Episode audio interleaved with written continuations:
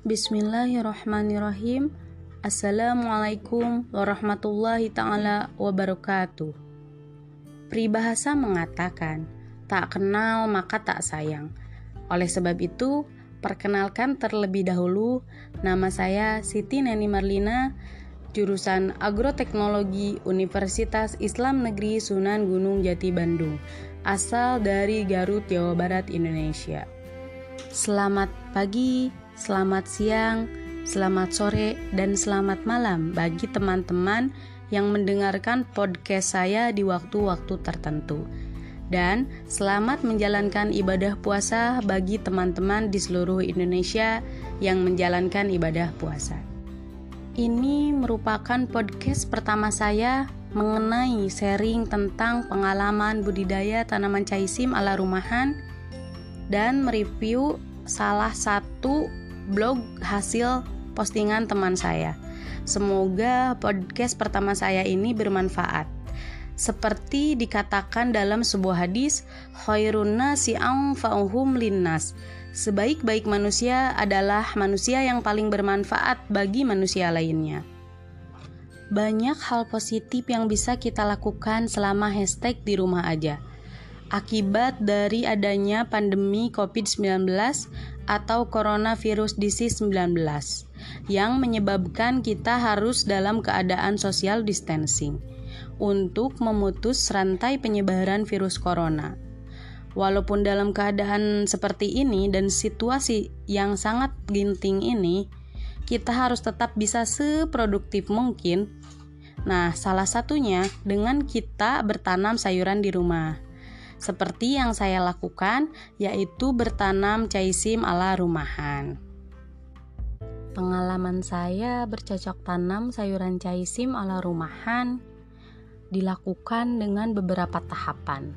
Tahapan yang pertama yaitu pastinya persiapan alat dan bahan. Selanjutnya, persiapan benih yang saya ambil dari petani daerah sini, yaitu benih lokal.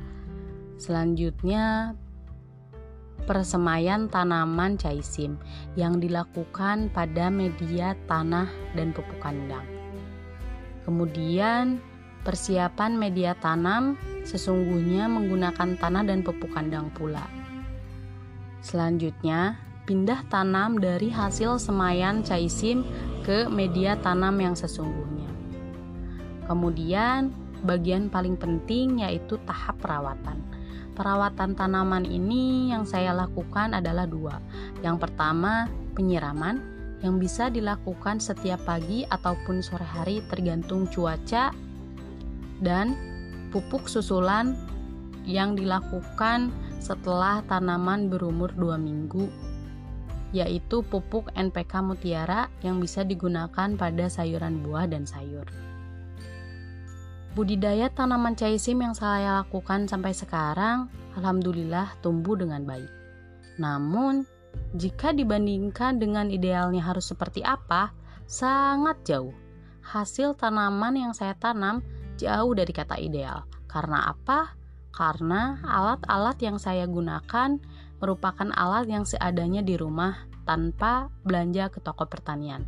Contohnya, eh, alat atau media tanam di, harusnya disimpan dalam polybag, saya menggantinya dengan kresek.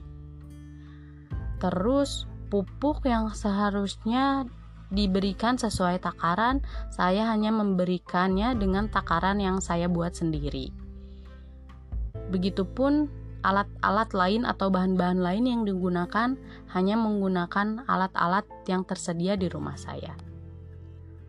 Kendala yang saya dapatkan selama bercocok tanam tanaman caisim ala rumahan yaitu adanya hama ulat yang menyerang pada tanaman yaitu ulat flutella.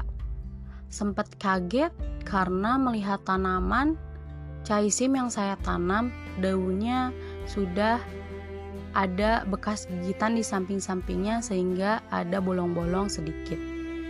Dan adanya kotoran-kotoran ulat berbentuk bulat kecil-kecil pada atas daun tanaman caisim. Terus pas saya lihat di bawahnya, ternyata ada ulat flutella yang menempel sempat gak kelihatan karena warnanya sangat sama dengan tanaman caisim.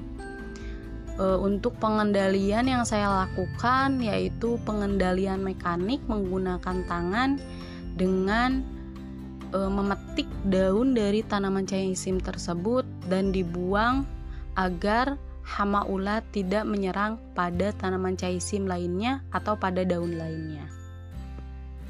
Oke, teman-teman, selanjutnya kita akan mereview salah satu blog hasil postingan teman saya yang bisa Anda lihat di petani muda harapan bangsa.blogspot.com dengan memilih NIM 11770600080.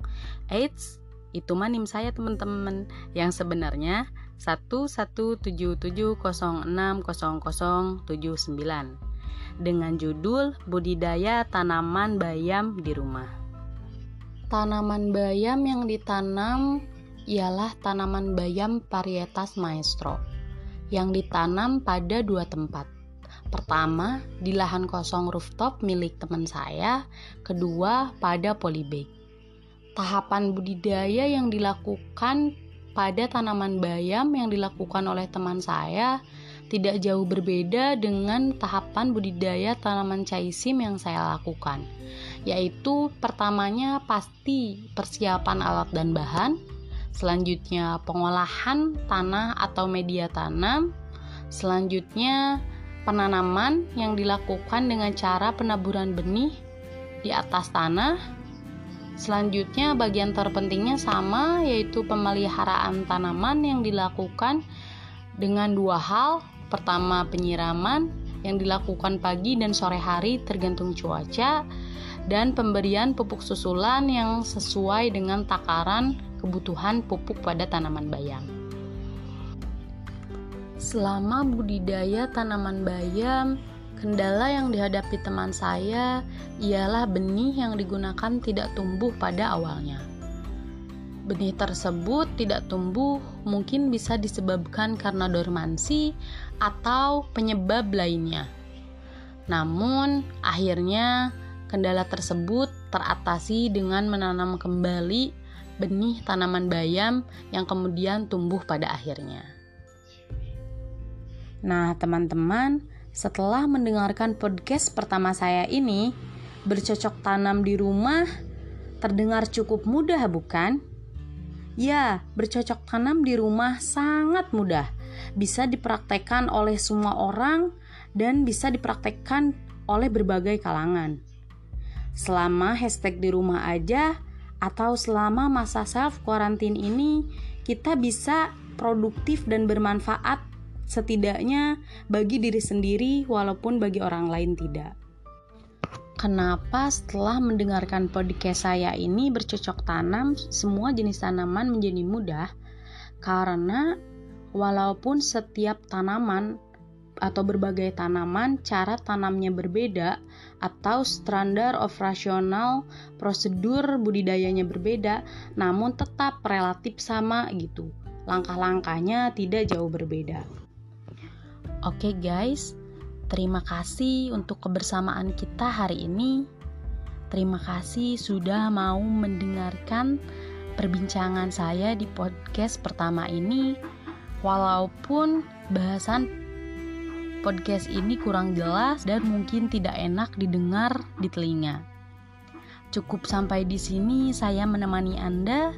Semoga kita bisa berjumpa kembali walaupun hanya dengan piara dengan pihak suara di podcast-podcast saya selanjutnya. Saya Siti Nani Marlina atau biasa dipanggil dengan Sinema. Pamit undur diri. Mohon maaf bila dalam podcast pertama ini banyak kesalahan atau ada tahapan budidaya yang saya sampaikan salah dan eh, salahnya dari saya benarnya dari Allah Subhanahu wa taala. Akhir kata wassalamualaikum warahmatullahi taala wabarakatuh